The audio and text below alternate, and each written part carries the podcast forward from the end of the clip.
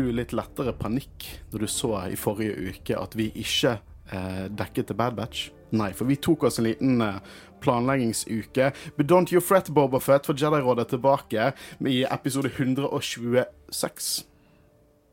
Der vi skal snakke jeg får frysninger.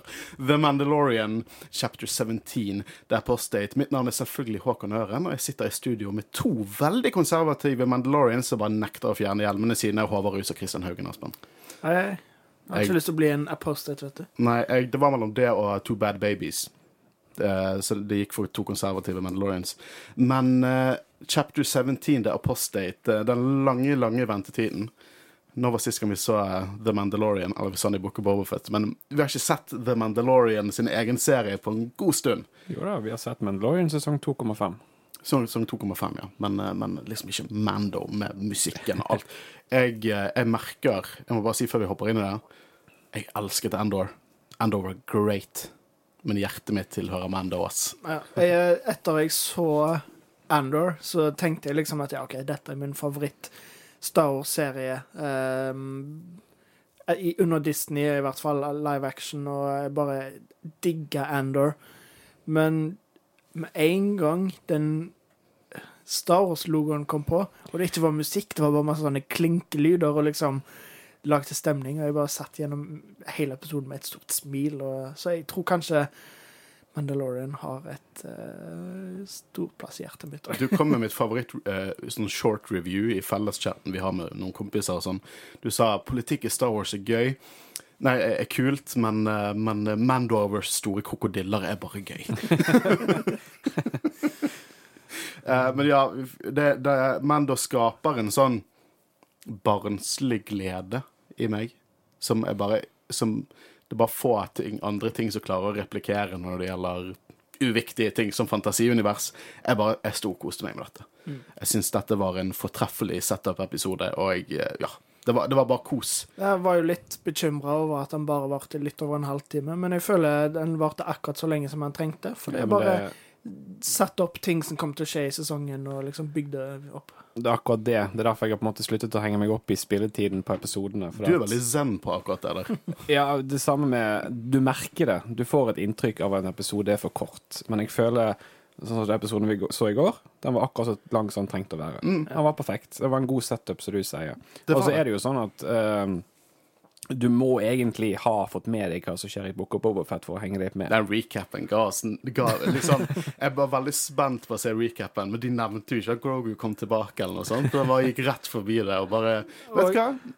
Og eh, antall Altså hvor lenge den har vært mellom, det er jo på en måte Det har ikke blitt nevnt i serien, men jeg så et intervju med Jeg husker ikke om det var John Farrow. Det var John Farrow, ja. Ja, Som sa at Grogu faktisk hadde vært der i to år, omtrent.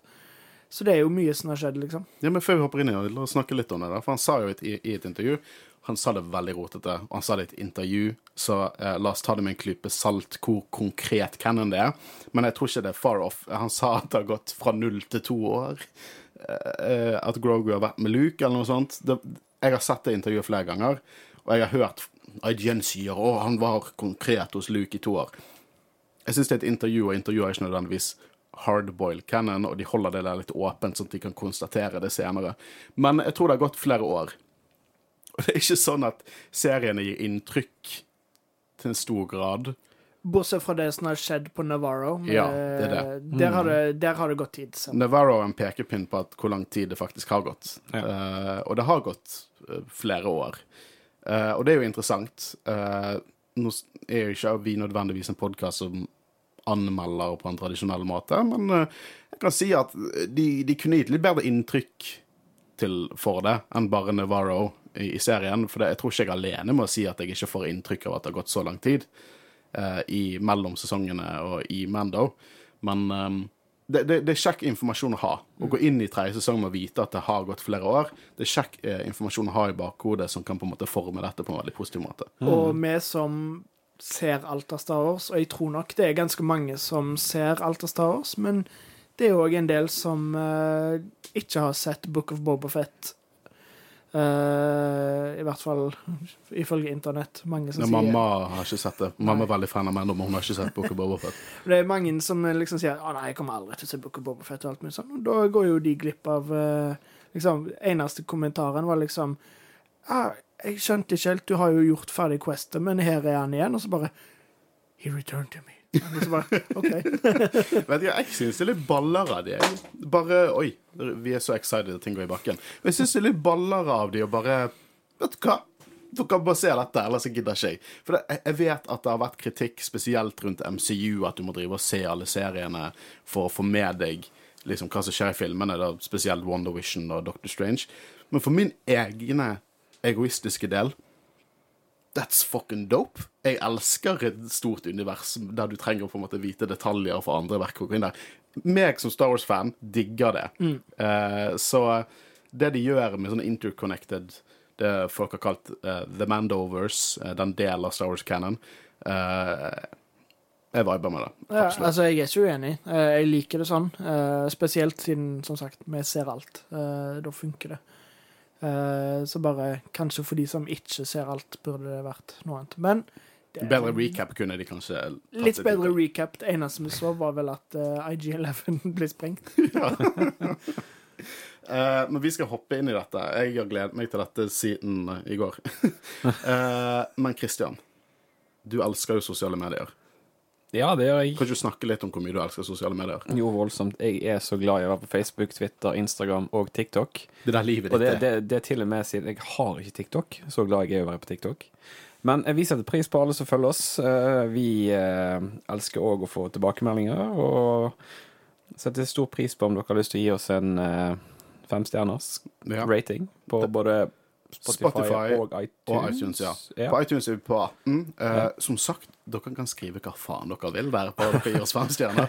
Men når dere skriver noe som er, som er rettet mot oss, og som vi, fikk, vi har fått noen utrolig fine reviews der, som bare treffer meg rett i, i blodpumpen. Og vi setter òg pris på tilbakemeldinger i alle retninger. Om Alle det, er retninger. konst, ja, det er bare å komme med det hvis det er noe dere føler at vi glemmer av og til. Vi eh, Ja, jeg, jeg, jeg får jo kritikk til at av og til snakker jeg litt i surr og og til glemmer jeg ting. Men prøv å dekke og dele lede en Star Wars-podkast. Det er ikke så enkelt. Jeg var der jeg også en gang og hørte på andre Star Wars-podkaster. sånn «Mm, De nevnte ikke det. Det er ikke så lett når du sitter der faktisk og gjør det.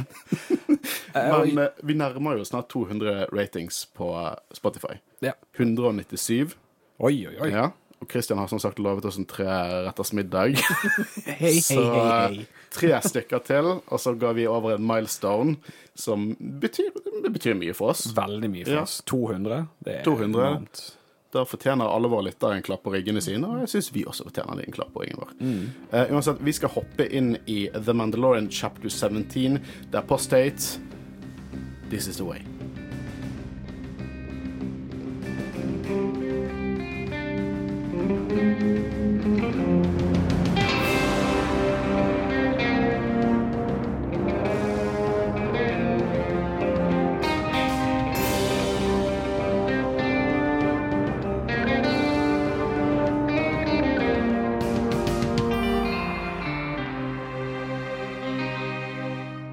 Så chapter 17, det er postate. Uh, denne er regissert av uh, Rick Famuyiwa. Av Mandalorian fame, i hvert fall fra vårt perspektiv. Jeg syns episodene han har regissert, som regel har vært utrolig bra. Så uh, kjekt at han får fortsette. Det er også skrevet av John Favreau, denne. Uh, for han skrev jo The Believer fra, fra sesong to. Som jeg også vil si er en av de kanskje dypeste episodene fra sesong to. Men jeg er veldig fan av, av Rikken. Eh, så, og jeg, han skuffet meg ikke her heller. Eh, men kanskje Vet du hva? Jeg er litt lei av min egen stemme. Kanskje dere tar meg litt gjennom introen på dette her. Christian. Jeg elsket jo den eh, åpningsscenen, altså hele sekvensen helt fram til en krokodillen kom frem. Men i utgangspunktet, det vi ser nå i starten, er jo en hun, uh, hun smeden, eller hva hun heter. The Armor. The Armor. Uh, som holder på å, å lage hjelm. En hjelm som Jeg vet ikke om dere vet hvordan de gamle Hasbro-hjelmene man kunne kjøpe. Nei. De som hadde sånn latterlig stor visor fordi at barn ikke skulle falle og slå seg når de hadde den på seg. Den er utrolig lik den Hasbro-hjelmen, som er litt greit. Da blir den Hasbro-hjelmen liksom hakket mer accurate. Det var det første jeg tenkte på når jeg så den babyhjelmen. Ja, og den her hjelmen tar med seg ut, for det er tydeligvis en sånn seremoni seremoni for å inkludere en ny, eh, nytt medlem til uh, Creeder. Mm. Jeg var helt sikker på at dette skulle være en sånn flashback-scene. Ja, det var- så ja, men du-. Jeg trodde jo det hele veien, jeg òg. Hvor gammel er Pars Whistler The Armorer, tenkte jeg, liksom. Ja, men i utgangspunktet så tenkte jeg dette her må være en flashback. Ja, garantert, helt, jeg. jeg, jeg var egentlig helt oppslukt i det helt frem til Mando kom fram på slutten der. Det verste er at når jeg så Starfighterne, så var jeg fortsatt litt sånn En annen ikonisk eh, Mandalorian med det.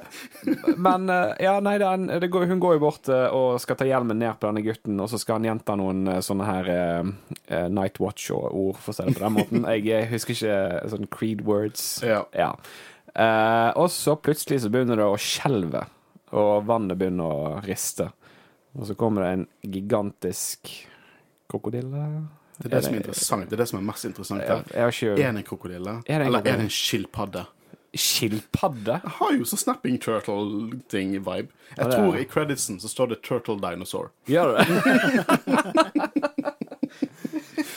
Så ikke et beist vi har sett før. Nei, OK, for det var det jeg lurte på. Jeg har ikke gjort noe research rundt den. men, Nei, jeg, jeg, når jeg først så gapet komme ut, så tenkte jeg er dette flashback? Er det en mytosaur? Nei da. Vi vet jo ikke hva planeten er engang. Uh, bare Men- at de Ja, men det, det jeg føler vi får nå, er en dritkul action. Dritfet action. Ja. Eh, veldig, veldig kult. Og det som er interessant her, som jeg hang meg opp i, selvfølgelig Vi ser Klan Wisla-ikonet der. Eh, Det er jo ikke veldig overraskende med tanke på at uh, Pass Wisla er der. Men det som er interessant med Wisla-logoen, eh, og dette, denne logoen var med i Rebels eh, kommet der ennå over. Der kommer en til sånn. Jeg tror vi må lage merch der det står du har ikke kommet der ennå. over. Eh, men eh, de, har, eh, de hadde et peacetime-signet. eh, Klan og House Wiesla. De hadde to forskjellige signet. Vi har sett Deathwatch-symbolet. Ser ut som på en måte en ravn. Eh, det var på en måte det som Pre-Wiesla hadde på seg i Clone Wars. Og så ser vi denne logoen her som ser ut som en, en grein med noen røde bær på. Så dette er peacetime eh, Ja, men det er også litt interessant, for dette her med Death Watch eh, de, Selve hele huset moderniserte kind of signeten sin for å ikke ha så mye med, med Death Watch å gjøre.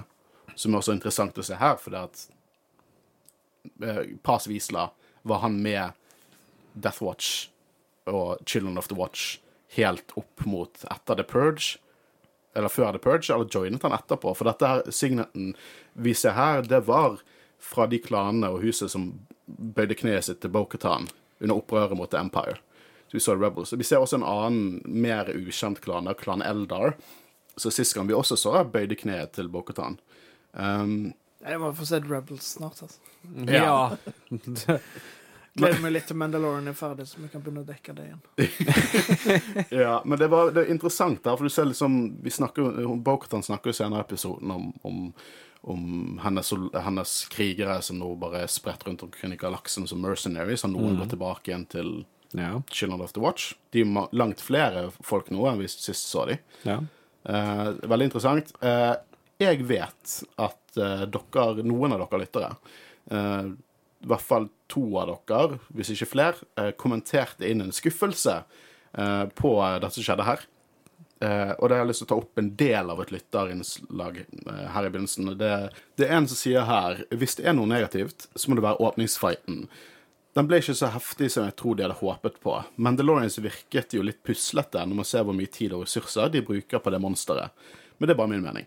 Og meninger, det elsker vi. Men jeg tenker jo òg at de ble jo sikkert uh, tatt litt med overraskelse. Det ble De ble tatt litt på sengen, for at de, de hadde jo en seremoni. Mm, Og og du ser det er så veldig mange unger der òg, så mye av tiden går jo òg på å beskytte ungene. Uh, Mm. Liksom fjerne de fra, Ja. Fra combaten og alt mulig sånn. Så, men eh, jeg føler liksom Ja, Mandalorians er badass og sånn, men så du størrelsen på den turtle dinosauren? Det var gigantisk og hadde liksom beskyttelse og Skill-dinosaurodillen. Han tålte ganske mye. Ja. Dere er på en sånn uh... Men altså, de må, de må ha gjort noe Hva? En gang til. Dere er på en sånn bokstavelig analyse, også så eh, min, eh, min gode lytter, vår gode lytter også er. Og det er veldig lov. Jeg må bare understreke det at vi er en podkast som anerkjenner alle typer meninger. Men det jeg liker, jeg liker å se bak linjene, bak strekene. Jeg liker å analysere litt mer eh, tematisk. Men det du skal gå inn på, for at jeg har et spørsmål Det går jo altså filosofere over hvorfor gikk denne her skilpaddinosauren til angrep? Nei, det vet jeg, han var vel sulten. Ja, er det er det, ja? Er det, det vi skal ta til min, teorien? min analyse, da, Ja. er jo det. Slik jeg ser på denne episoden, og jeg tror kommer til å være en tematikk gjennom hele sesongen, egentlig, er dette her med Mandalorians er undertrykket av sin egen kultur og sin egen tradisjon. Uh, og vi ser det med Children of the Watch, og vi ser dette her med Boketan på slutten. Um, jeg skal gå mer inn på det med Boketan senere, men her ser vi en meget sånn kulturell handling. Den dyppet i tradisjoner. Det er en, en unge som skal på en måte ta på seg the creed og bli en Mandalorian, skal sverge til troen. Eh, og jeg, jeg tror alt dette var en symbolikk at de de er ikke united. De er ikke fokusert på det de skal være fokusert på. De blir her tatt på og overrasket i en kulturell handling med denne dinosaurskilpadde-krokodilletingen. Og de, de kicker assen deres. Så kommer Mando-flyen inn. Eh, En karakter som jeg mener er på en reise til å bli mye mindre konservativ. Mye mer leks på det å være, å redefinere det det vil si å være Mandalorian. Og knuser dette beistet. Så jeg ser på dette som en sånn symbolikk de vært De, de er helt inneslukt av det kulturelle og hvordan de mener ting skal være. Og så kommer denne nye, forhåpentligvis fremtidige, fremtidige Mandalorian og faktisk gir de perspektiv og kan fokusere. Det er sånn jeg tolket hele den sekvensen. Ja, jeg tror nok du er inne på noe der. Eh, og eh, det får de jo vist på en veldig god måte òg, hvis det er det de prøver å få fram. At liksom the old ways fungerer ikke, og de sliter og alt mulig sånn. Og som du sier, de er ikke united. De går litt her og der, og uh, istedenfor å stå samla mot den, så er det liksom noe som går der, og noen går her, og litt sånn. Ja, det med, jeg bare tror at man skal ikke tenke Min mening at man ikke skal tenke så sinnssykt bokstavelig på dette. Husk at Empire knuste eh, Mandalore også. Eh, og det er jo på grunn av at for mye stor del av Mandalore ikke var reun- reun- reunited, eller united i det hele tatt. Eh, og jeg, jeg tror at hvis Mandalore knyttet seg bak én stor leder. For Mandalore-systemene er digre. Det er stor del av galaksen. De har vært et empire på et tidspunkt. Jeg tror ikke Vampire hadde hatt så mye de skulle sagt mot en samlet Mandalorian-rase, folk. Uh, så det, For det er vel fortsatt ganske mange Mandalores der ute, men bare spredd rundt omkring, nå som Mandalore ikke er Jeg tror ikke det er noen som hevder at de er Mandalore uh, sjøl. Jeg mente Mandalorians. Ja, sånn mm. At det er mange av de der ute. Ja da, det er jo det. Um, men uh, det jeg sitter mest igjen med her, da Faen, Mando er kul. Han er, Mando, han er tøff. Ja, han er det. Han er det. Det er en, en mann i rustning som går rundt med en liten muppet av en uh, Grogu, og fortsatt kan være den kuleste jævla motherfuckeren du finner i, i Star Wars-universet. Da er du kul. Mando er bare så jævlig kul. Utrolig gøy med Grogu, som bare I begynnelsen så så man jo ikke, så bare stikker han lille hodet opp av denne eh, glasskuppelen han har, og eh, vinker og smiler. Er kjekt å ha Grogu tilbake. Jeg, jeg er veldig glad for at de gikk den veien, selv om jeg, jeg tror Jeg likte utrolig godt det som skjedde med at Grogu trente med Luke, og det var en av de mine favoritt-Star Wars-øyeblikk fra i fjor. Men eh, det er ikke det samme uten Grogu i The Mandalorian. Så jeg er glad vi fikk han tilbake i en sånn 2,5 at bare rett tilbake til action. Vi diskuterte jo litt det, ja, i Book of Boba Fett om på en måte de to Grogu fram tilbake for tidlig. Uh, mitt, min konklusjon var da og er nå at det alt, det, alt avhenger av hva de gjør med det. Hvordan de bygger karakteren Mando med Grogu. Um, man kan jo på en måte argumentere om at hvis vi skulle hatt en sesong nå der Grogu ikke var, var der, hvor mye hadde på en måte Mando hatt et insentiv til å prøve å finne seg sjøl som Mandalorian? Og det tror jeg denne sesongen handler en del om. Redefinere hva det vil si å være Mandalorian. Så jeg vet ikke. Jeg, jeg bare vet at de har ikke skuffet meg ennå. Så jeg, eh, jeg stoler faktisk ganske blindt på de. Men eh, nå er nå jeg en ganske positiv Nå er vi egentlig vi tre egentlig ganske positive Star Wars-fans. Men uh, nå har jo vi et møte uh, med The Armor. Og uh, Var dette et nødvendig møte? Så rent storytellingsmessig?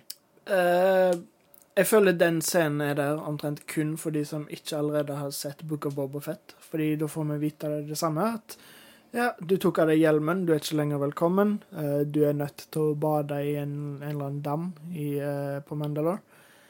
Innsjø, eller hva en sølepytt for Mandalore.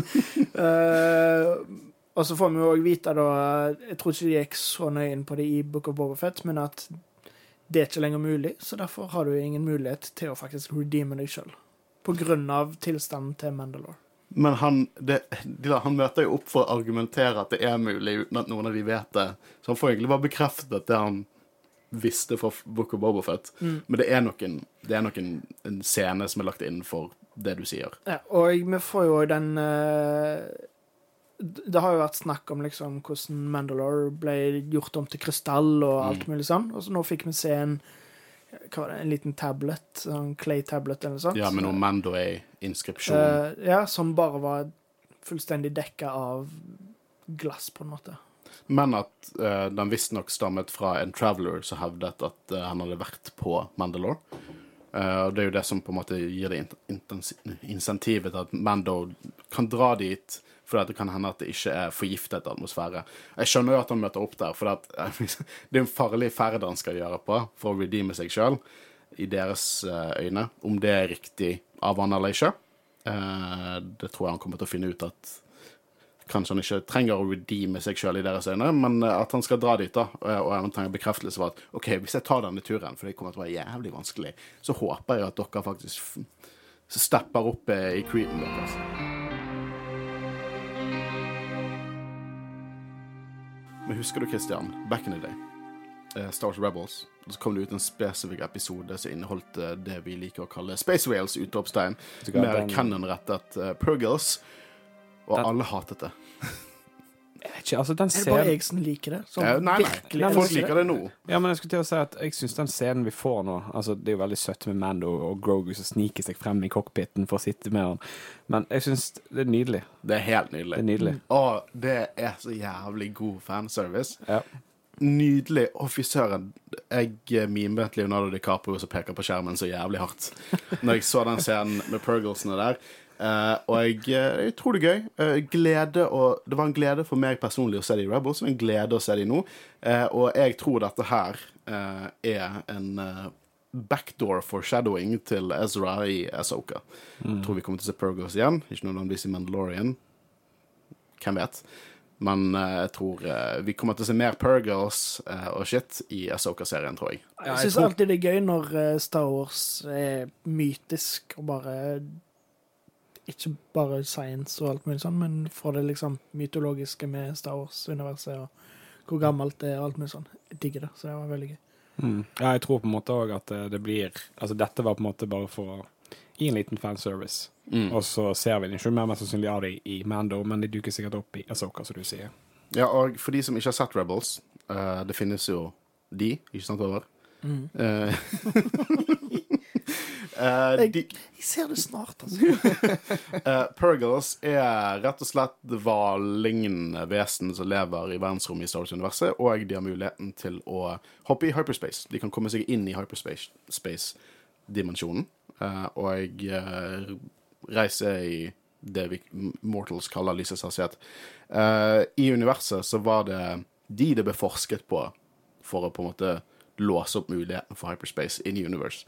Eh, så det er For de som ikke vet det, så nå, nå vet dere det. Og det er en, en kul liten referanse. Se Rebels. Det er skikkelig bra. Jeg synes også det var et veldig fint øyeblikk med Grogu, som eh, på en måte så de og la merke til de, og eh, Da vet jeg ikke om eh, om de purglesene er òg på en måte litt sånn tilknytta The Force, eller om det kun er mer eh, hyperspace og sånn, men eh, et fint lite øyeblikk med Yoda, eller Grogu, og, eh, som bare så på de. Og.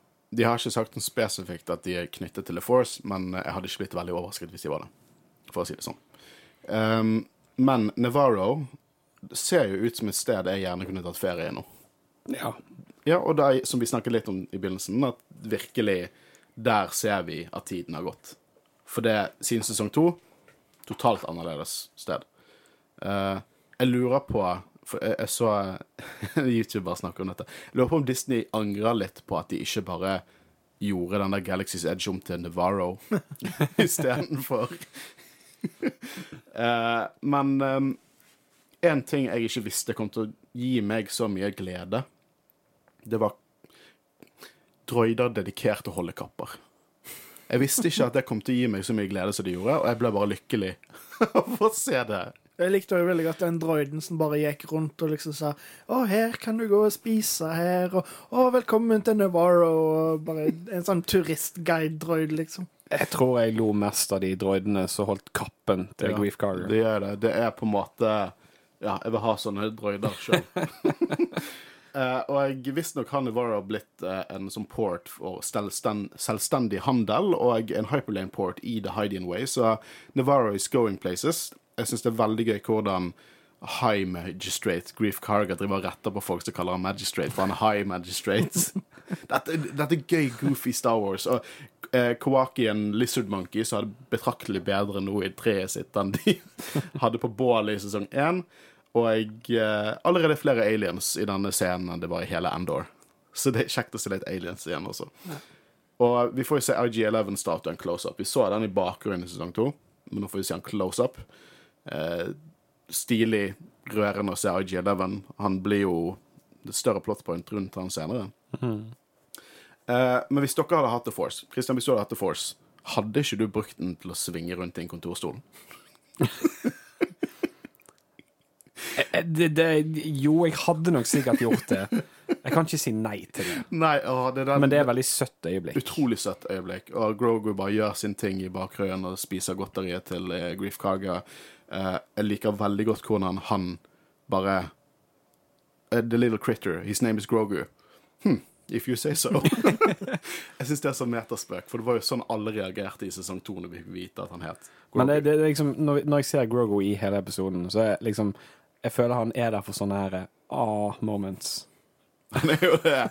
Hele karakteren eksisterer jo for ah-moments. Så det uh, men visstnok så vil jo Grief at han skal uh, bosette seg der. Og at det er mye penger å tjene. De har til og med belters i asteroidebeltet. Uh, for litt sånn expense-vibes, hvis dere har sett det. Utrolig god serie. Se den. Det er Game of Thrones, uh, Cold War, science fiction. Dritfett. Uh, men de ble avbrutt av pirater, og fy søren, så jeg digget eh, det kosmetiske og sminken her. mm, Det var kult. Det var dritfett. Mm. d- eh, Vane møter vi på, hans piratgjeng. Jeg må innrømme, jeg hørte pirater. Jeg hadde forhåpninger, men jeg ble skuffa. Men jeg regnet ikke med at han var der Ja, uansett. vi, vi, eh, Ja. vi holder et hjerte nært Ja. og håper vi får se han snart. Men allikevel, det var, det var kult. Det var ikke meningen å Dritkult. Eh, jeg syns at kostymer var konge. Jeg digget Vane. Mm. Ja. Digget den Jack Sparrow-viben han hadde. Jeg digget Ja, var Jeg liker at til og med i Space så har eh, pirater litt sånn engelsk eh, Ikke sånn high British, men mer sånn Cockney, og, ja. eh, Veldig gøy. Og de, skal, de vil drikke på en skole, for sist gang de var der, så var det en bar. Eh, og uh, de skal minne Griff Garga på at uh, det var Pirate King Goran Shard. Åh, det er så Det er så gøy. Det er så Clone Wars cheese. Åh, fucking love it. Med at han var med på å bygge dette her ved å drepe og, og slåss for Griff Garga. Men uh, Grief Carga, High Magistrate Griff Carga og Mando, de, de, de har ikke gått soft. For de skyter ned hele gjengen og sier at Vane kan løpe tilbake igjen til sin piratkonge, og sier at uh, Navarro er ikke lenger vennlig med pirater. Vi har jo snakka veldig mye om uh, at Mandalorian har litt sånn westernpreg, og her hadde det definitivt det. Måten de liksom zooma inn på det, og liksom så typisk sånn der at de bare tar uh, kappen vekk og liksom viser en pistol og liksom ja, Det var et sykt kult øyeblikk. Ja. Det er Mando er så jævla badass. Eh, det viser seg at uh, vi hadde et stort spørsmålstegn rundt denne sesongen, og det var jo gode, gamle Cara Dune, som har hatt litt uh, metaproblemer behind the scenes, og hvordan de kom til å deale med det. Og jeg, Cara Dune hun ble rekruttert av Special Forces. Done deal. Det var det som skjedde med henne. Ja, Må jeg aldri til å se henne igjen. skulle nesten ønske de gjorde sånn som i, eh, i den Simpson-episoden der Homer får stemmen til en hund i uh, Itchin Scratchy, men alle hater han. Så han var med i én episode, og så i neste episode så sier han I must go, my people need me. Og så kommer det bare opp sånn tekst. Poochie died on his way to his home planet. Forventa noe litt sånn. Det var noe, det var noe greit de forklarte bort, Ja. bortgangen hennes. Så på en måte ikke det var bare en helt løs tråd. Ja, jeg, jeg syns det er helt greit. Ja. Helt greit. Det er nok av kule karakterer i denne serien til å henge seg opp i. Ja. Uh, men uh, han oppdaterer jo også Mando på at Moff Gideon ble sendt til en New Republic War Tribunal. Og han trenger en ny lawman, en ny marshal, og Mando passer jo den rollen utmerket. Uh, men Mando sier nei, han, trenger, han er der, for han trenger IG-11 som en del av denne statuen. Han trenger en droide han kan stole på, så han velger den eneste jævla droiden han noen gang har stolt på, som nå er bokstavelig talt herpet til de grader, uh, for å utforske Mandalore, rett og slett. Um, hvis dette her ikke hadde vært Mando, så hadde jeg- så hadde jeg tenkt sånn Come on! Du trenger virkelig den droiden. Ingen andre droid. Men siden det er Mando eh, og har et sketchy forhold til droider, I'll allow it. Ja. um, men dette fører jo til litt sånn Terminator horror show.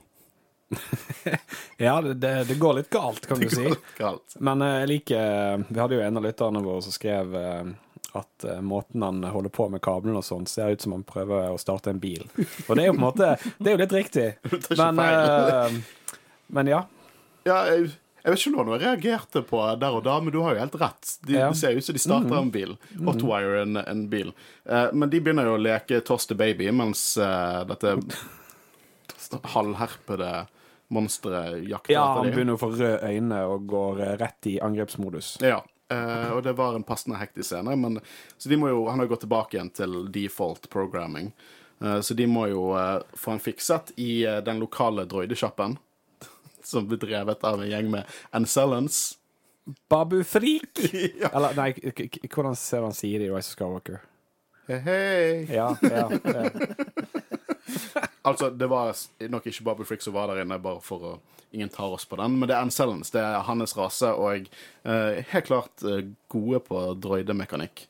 Ikke bare gode, de er de beste i universet. Jeg jeg elsker når de sier Jeg, jeg, jeg digger de skapningene. Ja, jeg òg. Jeg digger det så sykt også. Seriøst, Grogu som nekter å slippe den Ancellen og klemmer, liksom. Og. Bad baby.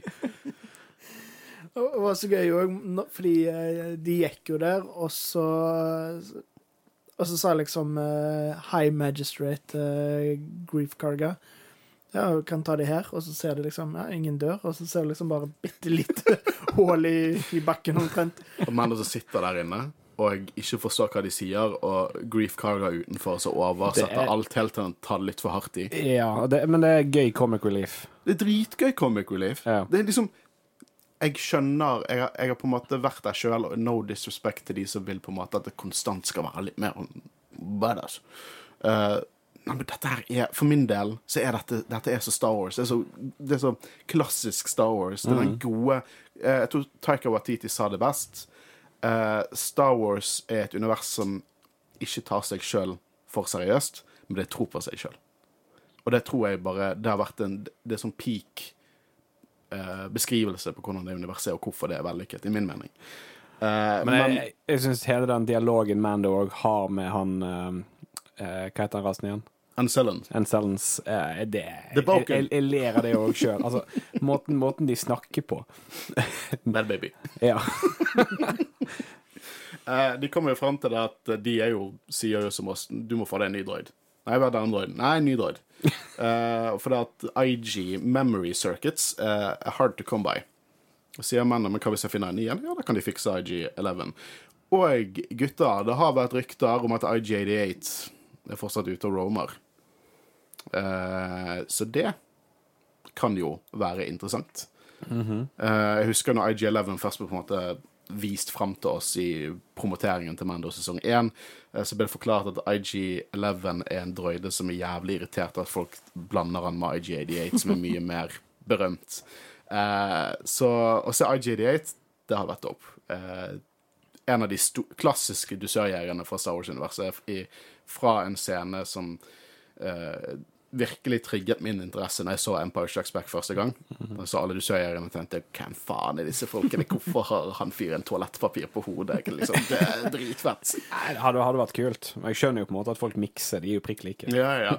Uh, så jeg tror at uh, jeg tror, jeg, jeg, vet du hva, jeg, jeg, jeg vedder dyrisk på at vi kommer til å se RJ88 i uh, The Mandalorian. Hvor mye? Eh, en av deres skjegg. Oi! Nei takk. Eh, men eh, de skal jo dra videre, da. Fordi at Mando har mer å gjøre på sin to do-list. Og han lærer jo Grogu litt opp om hva som er inni cockpiten. Christian, lærte du noe nytt ut ifra hva som er inni cockpiten? Hva disse ulike målerne var? Nei, vet du hva, jeg hadde full kunnskap eh, bak alle instrumentene som han hadde i det skipet. Ja. Jeg kan fortelle deg alle detaljene. Det er bare én jeg har lyst til å høre om. Å? Ja. Den måler et spesifikt sånn hvor mye som er igjen for å drive skipet fremover. Ja, Type stoff. Ja, men eh, det, det er jeg litt sånn usikker på. Jeg vet ikke hva Jeg vet ikke, jeg vet ikke hva de bruker for å drive noe skip. Mm, Det er drivstoff, da. Drivstoff, ja. nei, nei, jeg visste den kom. Vet etter alle disse årene så er jeg fortsatt opphengt i drivstoff. Ja, det kan du si. Ja, du, du backet ned veldig fort i den diskusjonen. Jeg klarer ikke Jeg, Ja, eh, men jeg det er vil forgive, at- but I won't forget. Ja. Hadde jeg bare holdt på å si eh, fått det tydelig nok med i Phantom Menace, så hadde jeg aldri brukt det argumentet. Så det Ja.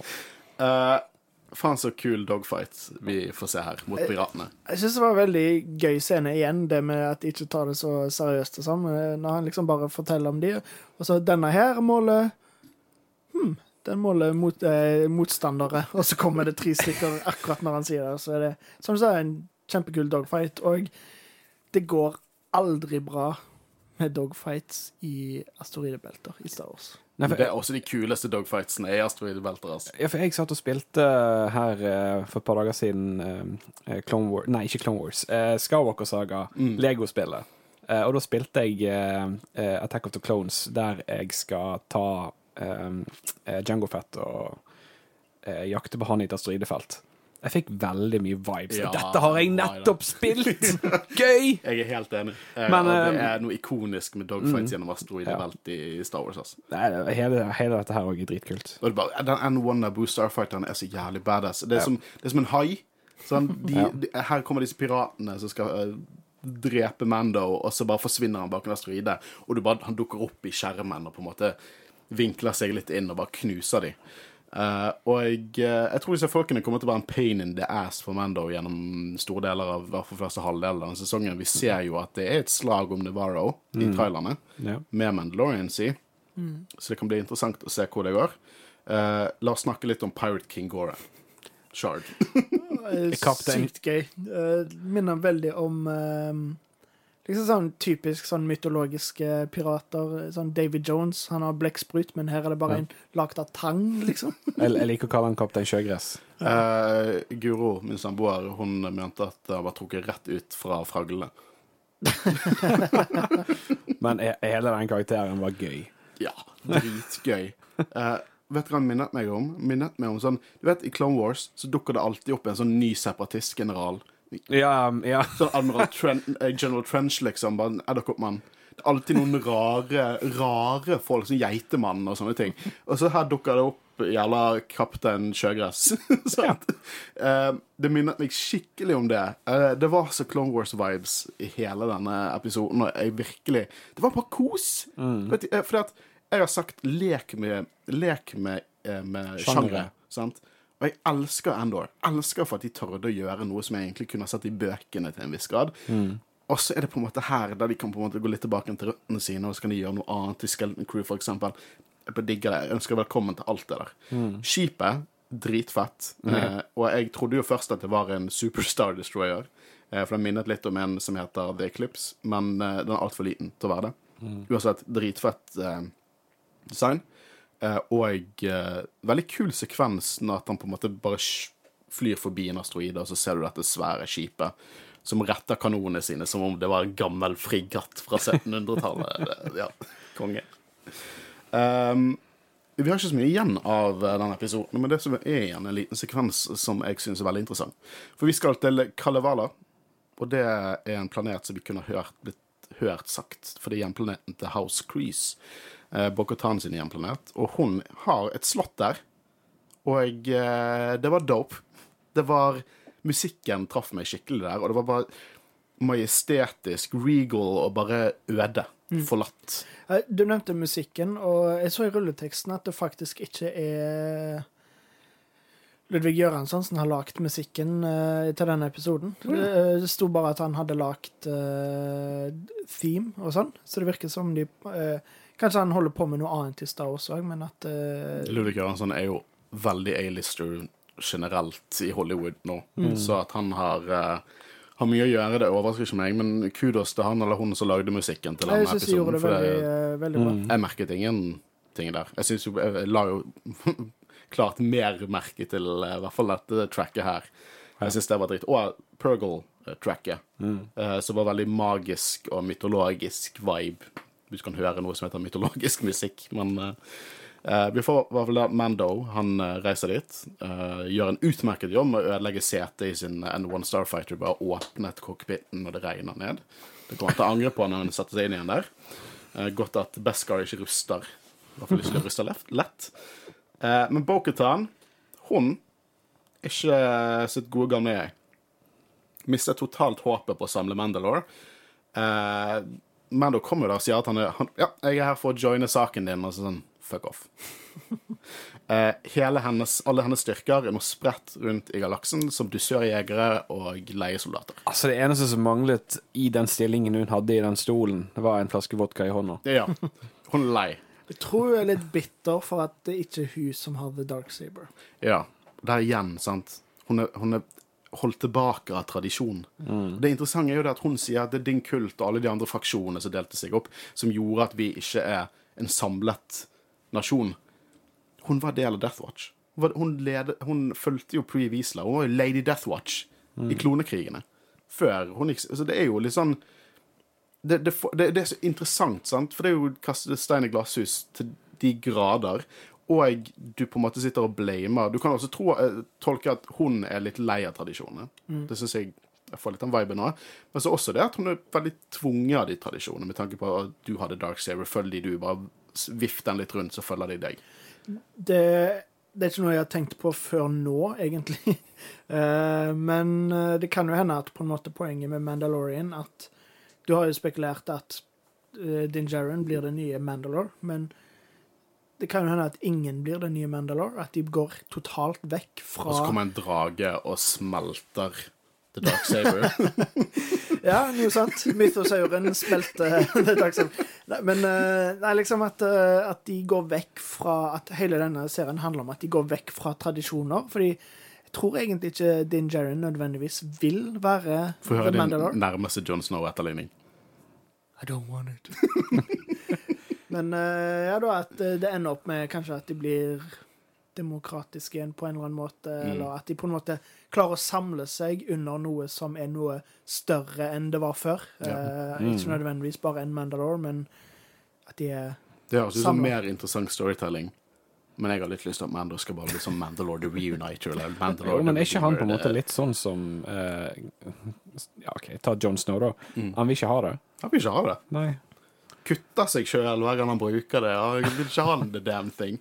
Uh, men jeg eh, Jeg tror, jeg tror Vet du hva, jeg, jeg syns det høres interessant ut. Jeg òg syns det hørtes veldig interessant ut. Men jeg tror at Mando er en mer adventure, straight to the point adventure-type historie, og jeg tror, jeg tror Mando kommer til å bli Mandalore. Uh, jeg, eh, det er vanskelig for meg å ikke trekke litt paralleller da, til Legends. Du tenker Candrus Ordo i Nights of the Old Republic, Uh, så jeg tror han, han ble Mandalore the Reuniter. Det kan han jeg tar helt feil her. Men han ble en Mandalore som samlet alle klanene tilbake igjen for å prøve å, å lage en ny, stor, sterk Mandalore-fraksjon. Eh, og eh, han hadde en shiny metallisk rustning og ser egentlig ganske identisk ut som Mando på visse båter. Eh, jeg tror jo også at når vi snakker om Legends, så tror jeg også de trekker inn veldig mye perler fra Legends. Og på en måte adaptere det inn i denne storylinen her. Jeg tror nok definitivt at hovedpoenget med denne historien kommer til å være at Mandalorians blir samla igjen og reunited, men spørsmålet er hvordan, da. Hvordan, ja. men, så det, jeg gleder meg veldig å, Mm. til å se videre. Uh, ja, men det, det, vi har sagt, Jeg har snakket om det før, og vi har diskutert det før, at Mandalore bare som, som kultur og sivilisasjon er noe av det mest interessante i Star Wars, og mest utdypede i Star Wars. For det er så mye nyanser og kompliserte ting og tankeganger at det, det får det føles nesten litt historisk ut. Så når jeg ser på Mandalore og Mandalorians og alt dette her, det er nesten som de greske bystatene.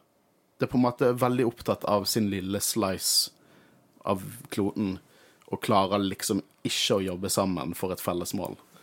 Uh, jeg, jeg får den veldig viben, og så er jo det selvfølgelig mye sånn popkultur, Spartans-vibes med, med The Mandalorians. Uh, et, så det, det er en kul parallell, tenker jeg. Eh, jeg tror at Bokutan kommer til å være ganske mye med i denne sesongen. Jeg er veldig interessert i hvordan et møte mellom hun og The Armorer kommer til å utspille seg. Utrolig interessert i det. De har jo sagt at uh, vi får eh, enda flere sesonger av Mandalorian. Uh, de har allerede skrevet ferdig sesong fire, og at de ikke har en konkret slutt ennå. At de bare fortsetter. Så er spent på om denne delen av historien kommer til å utspille seg ferdig, eller om det på en måte er det som kommer til å skje over flere sesonger. Hva synes dere om det? De, de nyhetene? Eh, Jeg syns det er veldig greit at de har en plan. Jeg elsker det. At de har på en måte men det er jo det de sier, de har ikke en plan på en avslutning. Nei, det er ikke det, men de har en plan på veien videre. Altså, de vet hvor altså, Det er det samme, skrevet ferdig. det er det samme som. John Farrow sa når han òg publiserte det, at, eller sa det, at sesong fire er ferdig skrevet. At de vet hvor historien skal gå.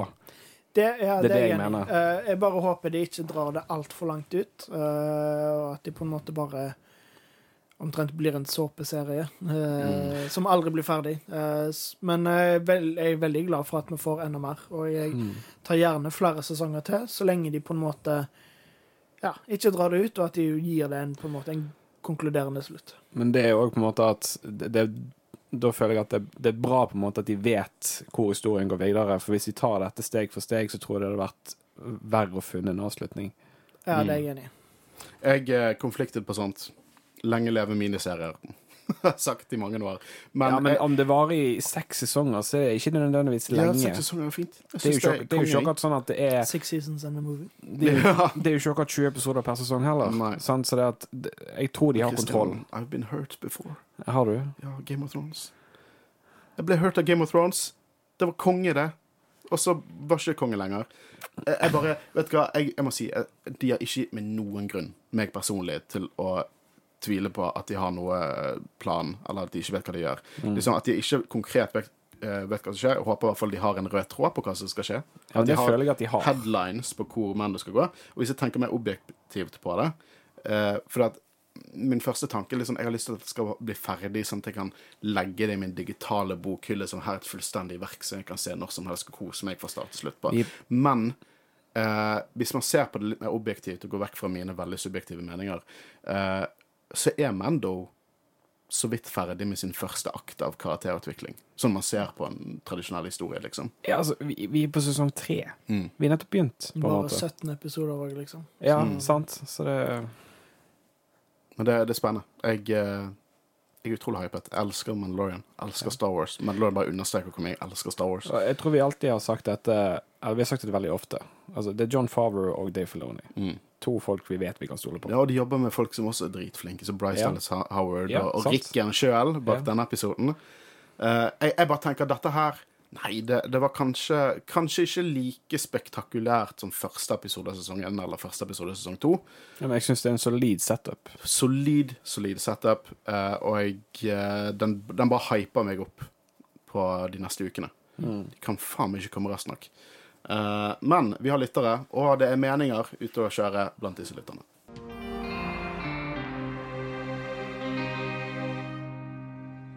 Jeg merker veldig når folk er hypet av lytterne våre. Vi får alltid betraktelig mer inn når folk er hypet på noe. Eh, og jeg, eh, det er jo Star Wars, og det er mange forskjellige meninger. Eh, jeg vil si at de fleste var veldig positive her.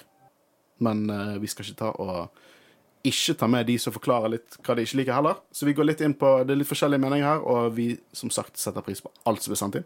Vi leser alt som blir sendt inn. Og vi er utrolig takknemlige for alt som er sendt inn. Så tusen takk for det. Men da hopper jeg inn til en her. Eh, en som var såpass heldig at han, eh, han vant tre billetter til denne gallapremieren. Eh, så eh, gratulerer med det. Jeg håper det, det innfridde. Men han sendte oss en, en, en liten oppsummering på hva hans meninger var. Dette er en skikkelig tettpakka episode. Trødde først vi eh, var vitne til Din Jarring sin innføring i Creeden, ettersom det var så mange der. Men det er visst Bo-Katan sine folk som forlot henne etter hun ikke fikk Darksaberen. Det er jo litt diskuterbart. Eh, jeg tror helt klart, Vi diskuterte jo litt tidligere i episoden. Jeg tror helt klart deler av dem er rett og slett folk som forlot Bo-Katan. Mm. Eh, men jeg tror også det at jeg tror, jeg tror ikke det er samtlige av de. For jeg kjøper ikke helt at folk som på en måte følger en litt mer avslappet, modernisert tilnærming til å være Mandalorian, plutselig skal gå tilbake og gå inn i en kult. For det, er jo det Children of the Watch er. Det er jo en kult.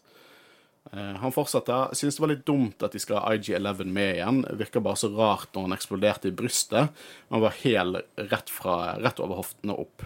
Og hva var greien med Hollywood-bilstartingen og slå de ledningene mot hverandre? Virket lite Star Wars.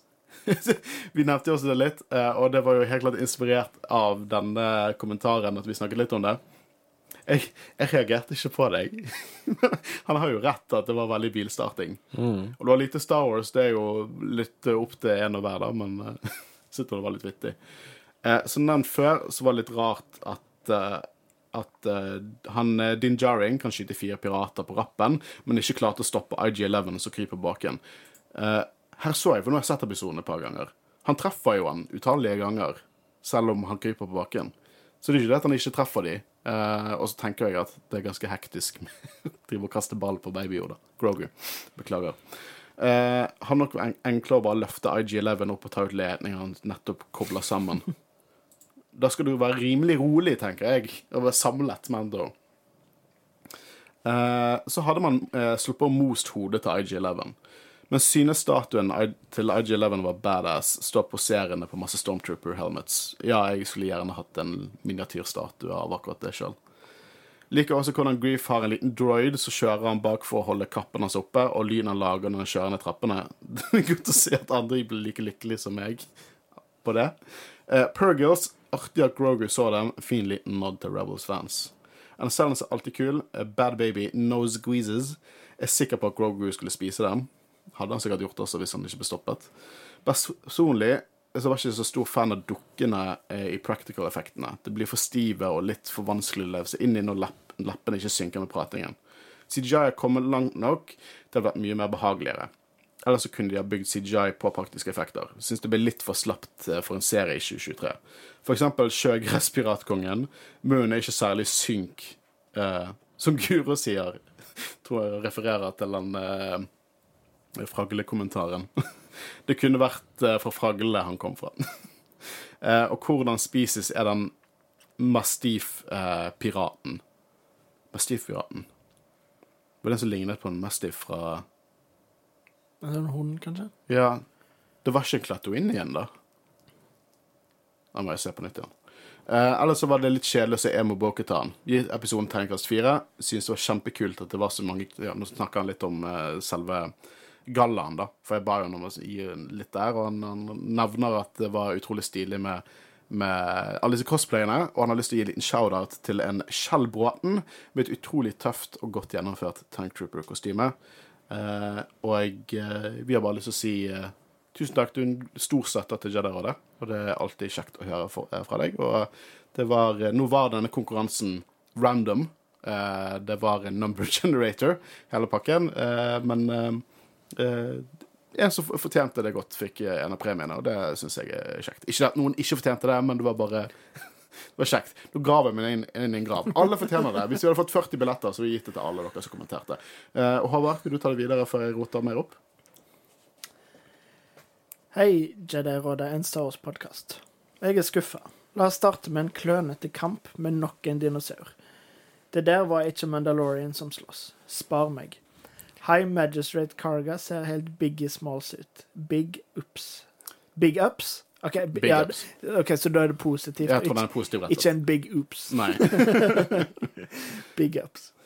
Men så får vi denne perlen av en dialog. Now that's using your head. I think he defaulted to his old programming. You think? Hva er dette? 1952? Ikke prøv å være morsom, John Favreau. Det er ikke i vokabularet ditt. Det har vi visst siden Friends. Hei, hei. Ikke skyt på Ultimate Champion Pete fra Friends. IG-11 er en fantastisk karakter. La det bety noe at han ofrer seg sjøl, ikke gjenopplive han, please. Kanskje litt enig i det, sånn egentlig. Selv om jeg, som du sa, det gir mening at uh, det er IG-11 han vil ha, siden det er den eneste han liksom virkelig har stolt på. Men For min del er det, bare, det er veldig opp hvordan de gjør det. Så ja, av default så tenker jeg sånn øh, ikke, ikke ødelegg liksom et godt offer, men det spørs hvordan de gjør det. Jeg, jeg, jeg vet ikke ennå. Du har et lurt smil, Christian. Ja, nei. vi fortsetter. Tenkte på en annen karakter. Men uh, videre. Hele praten med Bo-Katan likte jeg. Kanskje hun stiller seg bak Din Jaren.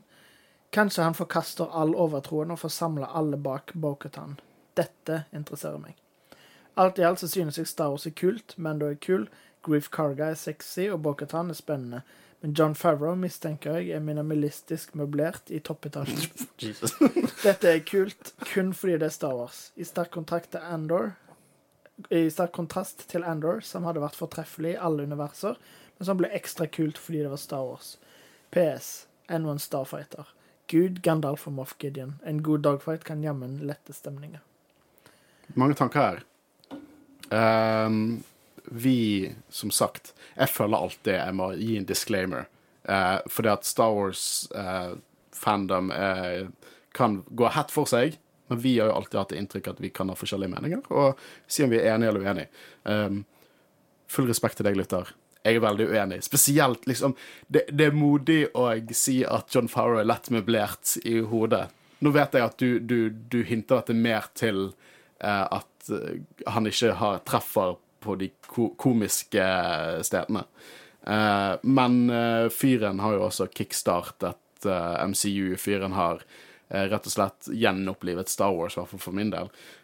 Så stories og film kan han i hvert fall i min bok. Men come on, now that's using your head. Det, det finnes jo ikke noe mer Star Wars-dialog enn det der. Det passer jo perfekt inn. Det, det, det, dette er jo sånn boring conversation anyway-liga, tenker jeg. Det, det er for min del super eh, cheesy Ja, 1952 eh, action adventure. Ja, det er jo det som er Star Wars. Det er fullt av one-linere. Jeg liker one-linere, jeg. Det, Ja, jeg, jeg, men selvfølgelig er, ikke, er det, selvfølgelig er det veldig lov å ikke like det.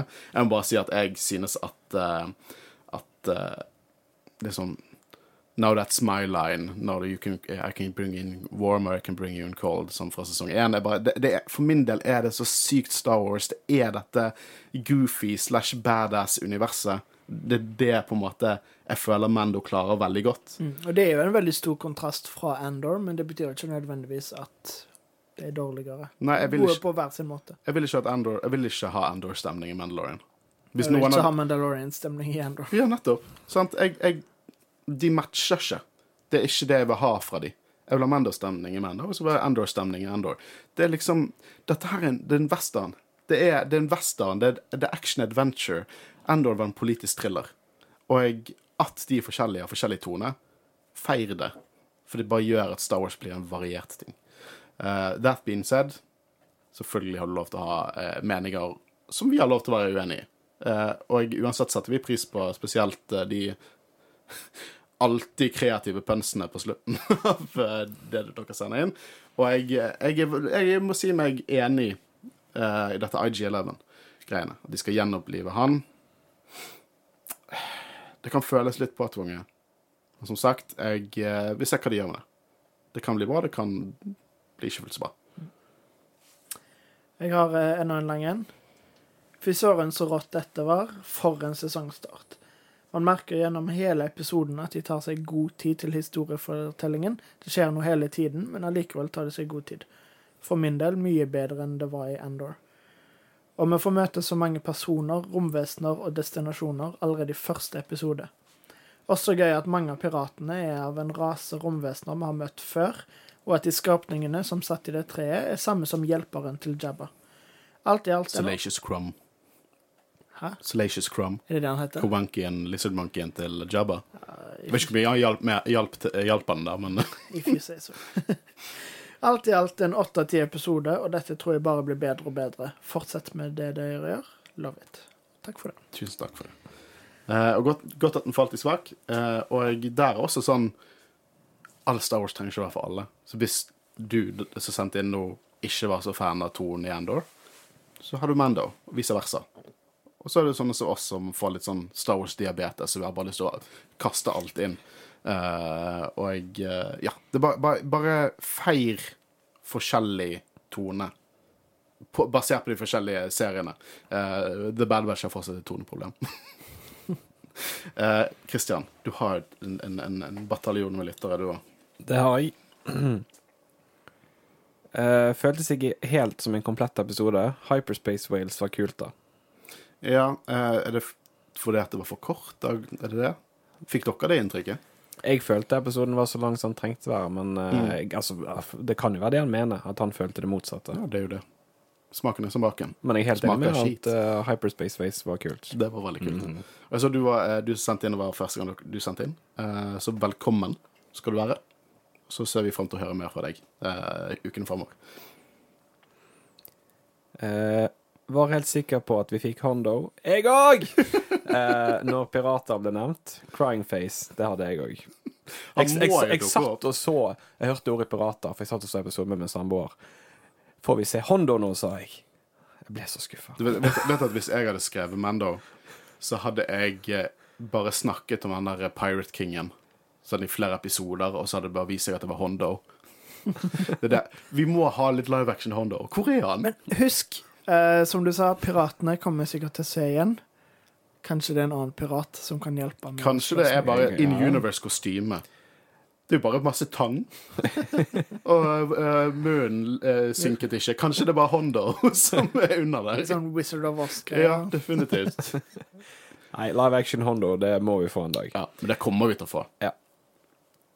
Eh, utrolig bra åpning på sesongen. Likte at Mando faktisk sprengte ut innvollene til krokodille, krokodilletingen. Ja, jeg tror krokodille vant over skilpaddetingen, men uh, det var en jævlig kul sekvens. Jeg likte veldig godt uh, kameraene de er sånn festet det på hodet til en Mando, uh, og du fikk sånn POV sh- shot at han fløy vekk. Utrolig Det er liksom imponerende, sånn som Crate Dragon var imponerende. Det er ikke bare det er ikke bare god CGI for TV, det er, bare, det er god CGI. Jeg tror de også brukte noen praktiske shots der, spesielt når de skjøt de der uh, tauene sine inn i siden. Jeg lurer på om det har vært praktisk shot at de har laget siden av krokodille, dinosaur, skilpadden. Det var, i hvert fall veldig stilig. Eh, Mando, kul og gøy. Bad Batch. Uh, fuck! Jeg prøvde å lese det ordrett. Uh, chills fra start til slutt. OK, ingen spoilers. Vi skal dekke Bad Batch når, det, når vi kommer der. Men vi kan jo gi en spoiler-free mening om hva vi syns om forrige episode. Eh, ja, jeg likte veldig godt måten de eh, inkorporerte eh, kloning og ting som på en måte har blitt etablert før. Så at de liksom Selv om det på en måte ikke var så mye som skjedde, så er det definitivt på vei til en større historie. Så det likte jeg veldig godt. Jeg likte kjempegodt uh, denne Bad Batch-episoden. Mm. Selvfølgelig skulle de bli skikkelig bra når vi begynner å dekke Mando. Ja. Men, uh, Men vi dekker de en dag. Vi skal dekke de en dag. Ikke så lenge til, Uh, men vi kommer til å prioritere Mando. Og dessverre så gjør ikke vi dette her fulltid. Uh, ellers så hadde vi vært på den rimelig kjapt. Kanskje, kanskje en dag Kanskje en dag i fremtiden gjør vi dette fulltid. Det er i hvert fall min drøm. Selvfølgelig helt rått. Den skulle vært mye lengre, da, men uh, det vi fikk, var ti av ti eh, GG. I Altså, jeg sett den tror ikke Easy. Easy. Ja, det er gamerspråk. Ja, gamerspråk skjønte jeg, men Du er ikke så gammel, Christian. Nei, nei, nei, nei, jeg er ikke så gammel. Altså, GG vet jeg hva jeg er med men Easy har ikke jeg hørt før. Ja, easy. Det er når du er litt sånn Det er etter min generasjon. Du sier? G- Eller vår generasjon. Nei? Nei. Bare ikke spilt World of Warcraft. GG Easy. Det er kanskje det at jeg, jeg begynner å glemme ting, for jeg akkurat fylt 30. Ja, du har det. Ja. Mens jeg og Håvard er i midten av 20-årene. Men eh, helt enig. Helt rått. Jeg, jeg, jeg skjønner jo den Jeg har jo også den følelsen at jeg ønsker det var lengre. Det er jo bare fordi jeg vil ha mer. Jeg vil ha liksom, i hvert fall tre kvarter der jeg kan bare kose meg med universet. Men det er jo ikke, det er jo ikke nødvendig strengt talt. Men det er bare, I det siste har vi fått så sinnssykt mange serier som eh, som liksom eh, Last of Us og noen episoder er 1 time og 20 minutter. De siste episoden var jo to og en halv time. Eh, Av Game of Thrones, ja. Å nei, sorry. Jeg, jeg falt inn på Stranger Things av en annen Ja, Stranger Things, ja. Jesus Christ, det er jo filmer. Det er jo det. Uh, jeg unsubbet for Netflix, for jeg var uenig med deres sånn IP-regler. Så jeg tok et standpunkt der. Ja. Så kommer helt sikkert til å kjøpe opp et nytt abonnement med Stranger Things. Ja, den, og uh, Witcher. Ja, vi mistet Cavill, da. Ja, han er jo med i neste sesong. Ja, sesong tre er jo ikke kommet ennå, så vidt Ja, jeg jeg, vet. bare, uh, jeg elsker Witcher-universet, men Ja. Men dette er Star Wars-podkast. Ja, det er helt riktig. Uh, ble passe fysen på å stikke ned til Karl Johan og rekruttere statuen av Gunnars Støn- Stønsteby. Sønsteby. Sønsteby. Ja, den er god. Skal nok noe mer til å bare hotwire noen ledninger for å få han tilbake. Ja, fin. Fuckings awesome. Men kunne vi fått eh, Kunne vi ikke fått mer? Eh, jeg orker ikke å vente en hel uke til neste episode. Ikke jeg heller. Og holy shit, jeg hater dette. Det er, så, åh, Ja, men det er jo litt gøy for spenningen. det er ikke gøy i det hele tatt. Det er fysisk vondt. Det er det det gjør. Åh, jeg hater det. Er liksom det, det verste er at jeg bare Jeg føler sånn livet mitt går ikke fram når det er ny Star Wars. For jeg driver og bare venter. venter. Det er sånn der pa Pablo Escabar-memen. Jeg bare går rundt og venter i hagen min. Hvis jeg hadde hatt en hage. Det åh, jeg hater å vente. ja, men Ja, det, det, ja, det går bra. Ja. Jeg har allerede grua meg til å vente til sesong fire. Det er litt sånn, jeg Er det sånn et helt år? Ja, men jeg, har sånn, det jeg har det sånn når det gjelder ferie og sånt. Med en gang jeg, har ferie, så gruer jeg meg til jeg skal tilbake til jobb. Jeg hadde noe med Star Wars. Gruer meg til det er ferdig. Hvem skulle tro at Fleet Mando hadde drivstoffmåler? Ja, hvem skulle trodd det? Hvem skulle tro? Hvem skulle tro at det brukte drivstoff? Ja, sant? Eh, men da tenker jeg at tusen takk til alle som sendte inn. Setter pris på det, uansett hvilken mening. Jeg må kanskje understreke det. Mm, hva er ordet jeg er ute etter? Kanskje understreke det nok? Ja. ja. Vi setter pris på alle meninger, uh, så lenge dere er konstruktive. Og det er dere. Og vi leser alle. Vi, ja, vi setter Mm. veldig pris på det. Det gjør vi. Eh, dere vet hvordan dere kan gjøre det. Vi sender ut en sånn spørregreie på Instagram hver uke etter eh, Mando har blitt lansert. Hvis ikke vi har sett episoden ennå, så venter vi med å lese hva dere har sendt inn. Eh, og eh, hvis dere føler at dere ikke får nok ord inn på akkurat det, send oss en PM på Instagram eller Facebook, så eh, kan dere få litt dypere meninger der. Uh, uansett, mitt navn er Håkon Øren. Jeg har sittet sammen med Håvard? Og Kristin Høgen Aspen. og this is the way. Vi snakkes neste uke. Ha det bra. Ha det bra. Musikken du hørte i dagens episode av Jedi-rådet, er laget av Arild Øren Vanvik. Du kan finne han eh, på iTunes, Spotify, eh, Amazon Music, der du hører musikk. Eh, og vi setter utrolig stor pris på det. Vi setter også utrolig stor pris på musikken eh, til Einar Søreide Johansen, som har laget den Mandalorian-inspirerte musikken du hørte i dag.